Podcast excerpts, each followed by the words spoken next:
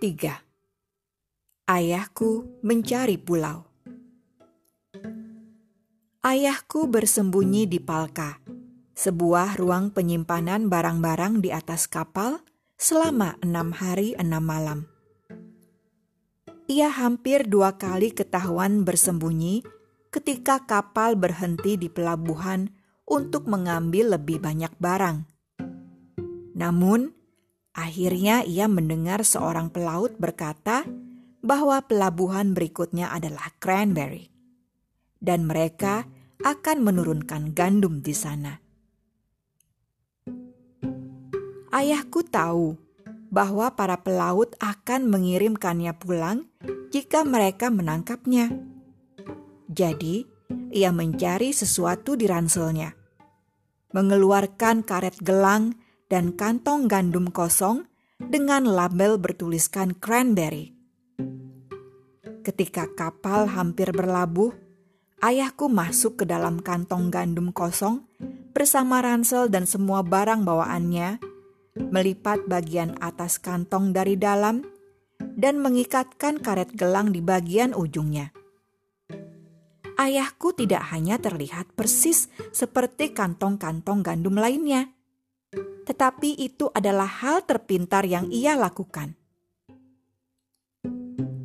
Akhirnya, para pelaut datang untuk menurunkan barang-barang mereka. Mereka menurunkan sebuah jaring besar ke ruang penyimpanan barang dan mulai memindahkan kantong-kantong gandum. Tiba-tiba, seorang pelaut berteriak, "Great Scott! Ini adalah kantong gandum paling aneh yang pernah aku lihat. Bentuknya bergumpal-gumpal." Tapi labelnya bertuliskan kantong ini diturunkan di cranberry. Para pelaut yang lain ikut melihat kantong itu. Dan ayahku yang ada di dalam kantong itu tentu saja berusaha sangat keras untuk terlihat seperti sekantong gandum. Kemudian pelaut lain menyentuh kantong itu dan ia tak sengaja memegang siku ayahku. Oh, Aku tahu apa ini, katanya. Ini sekantung bonggol jagung kering. Dan lalu ia melempar ayahku ke jaring besar bersama dengan kantong-kantong gandum. Semua barang-barang diturunkan pada sore hari. Begitu larutnya, sehingga pedagang di Cranberry yang telah memesan gandum itu tidak menghitung jumlah kantongnya hingga keesokan pagi. Apalagi ia adalah orang yang sangat tepat waktu dan tidak pernah terlambat untuk makan malam. Para pelaut lalu memberitahu kapten, dan kapten pun menulis di selembar kertas bahwa mereka telah mengirimkan 160 kantong gandum dan satu kantong bonggol jagung kering. Mereka meninggalkan secari kertas untuk si pedagang yang memesan gandum dan kembali berlayar sore itu juga.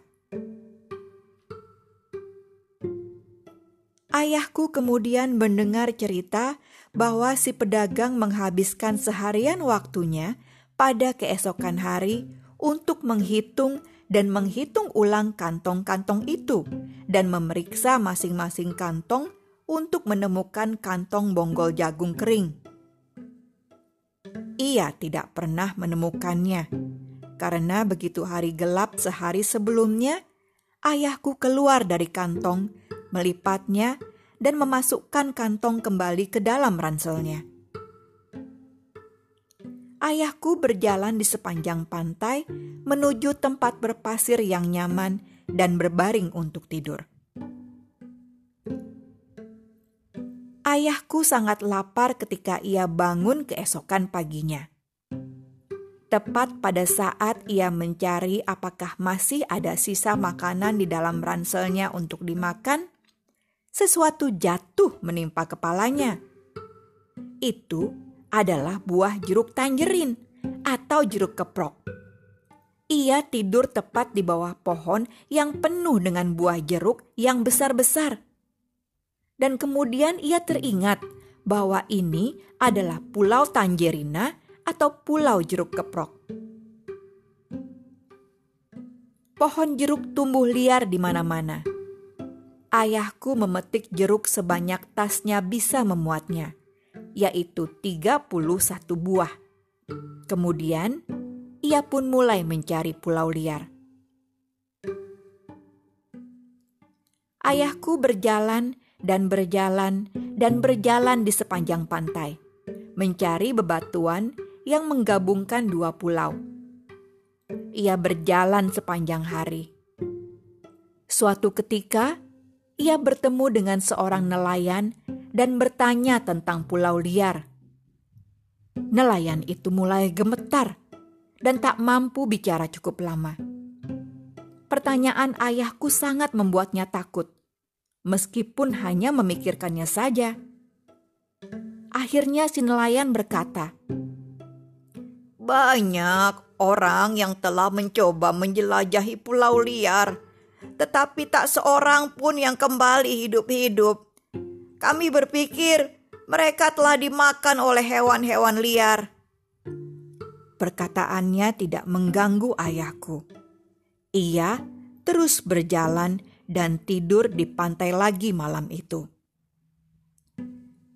Keesokannya, hari begitu cerah dan di sepanjang pantai, ayahku bisa melihat sebuah barisan batu-batu panjang yang mengarah ke lautan.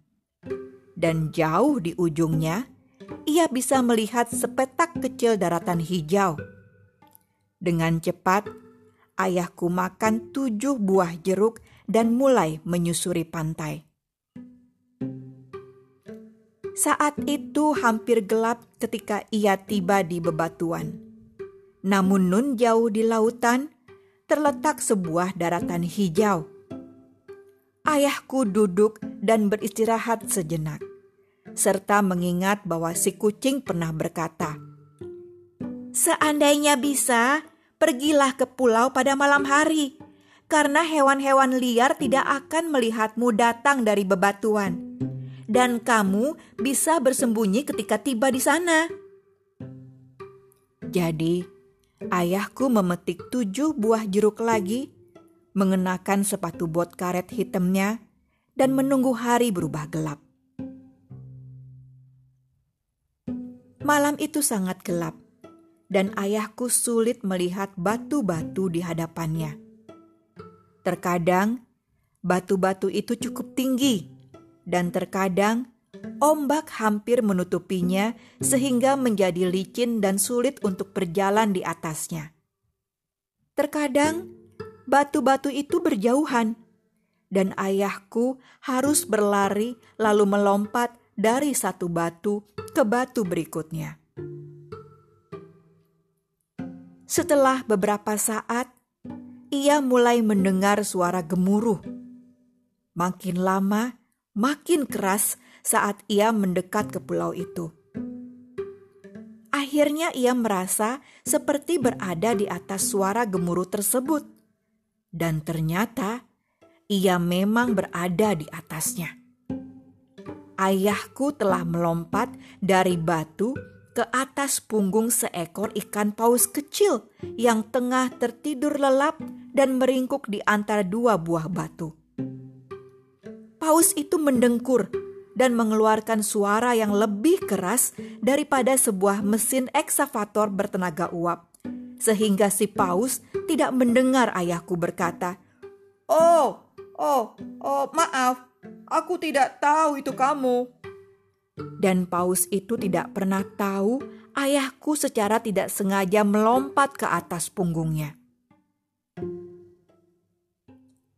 Selama tujuh jam lamanya, ayahku memanjat, terpeleset, dan melompat dari batu ke batu.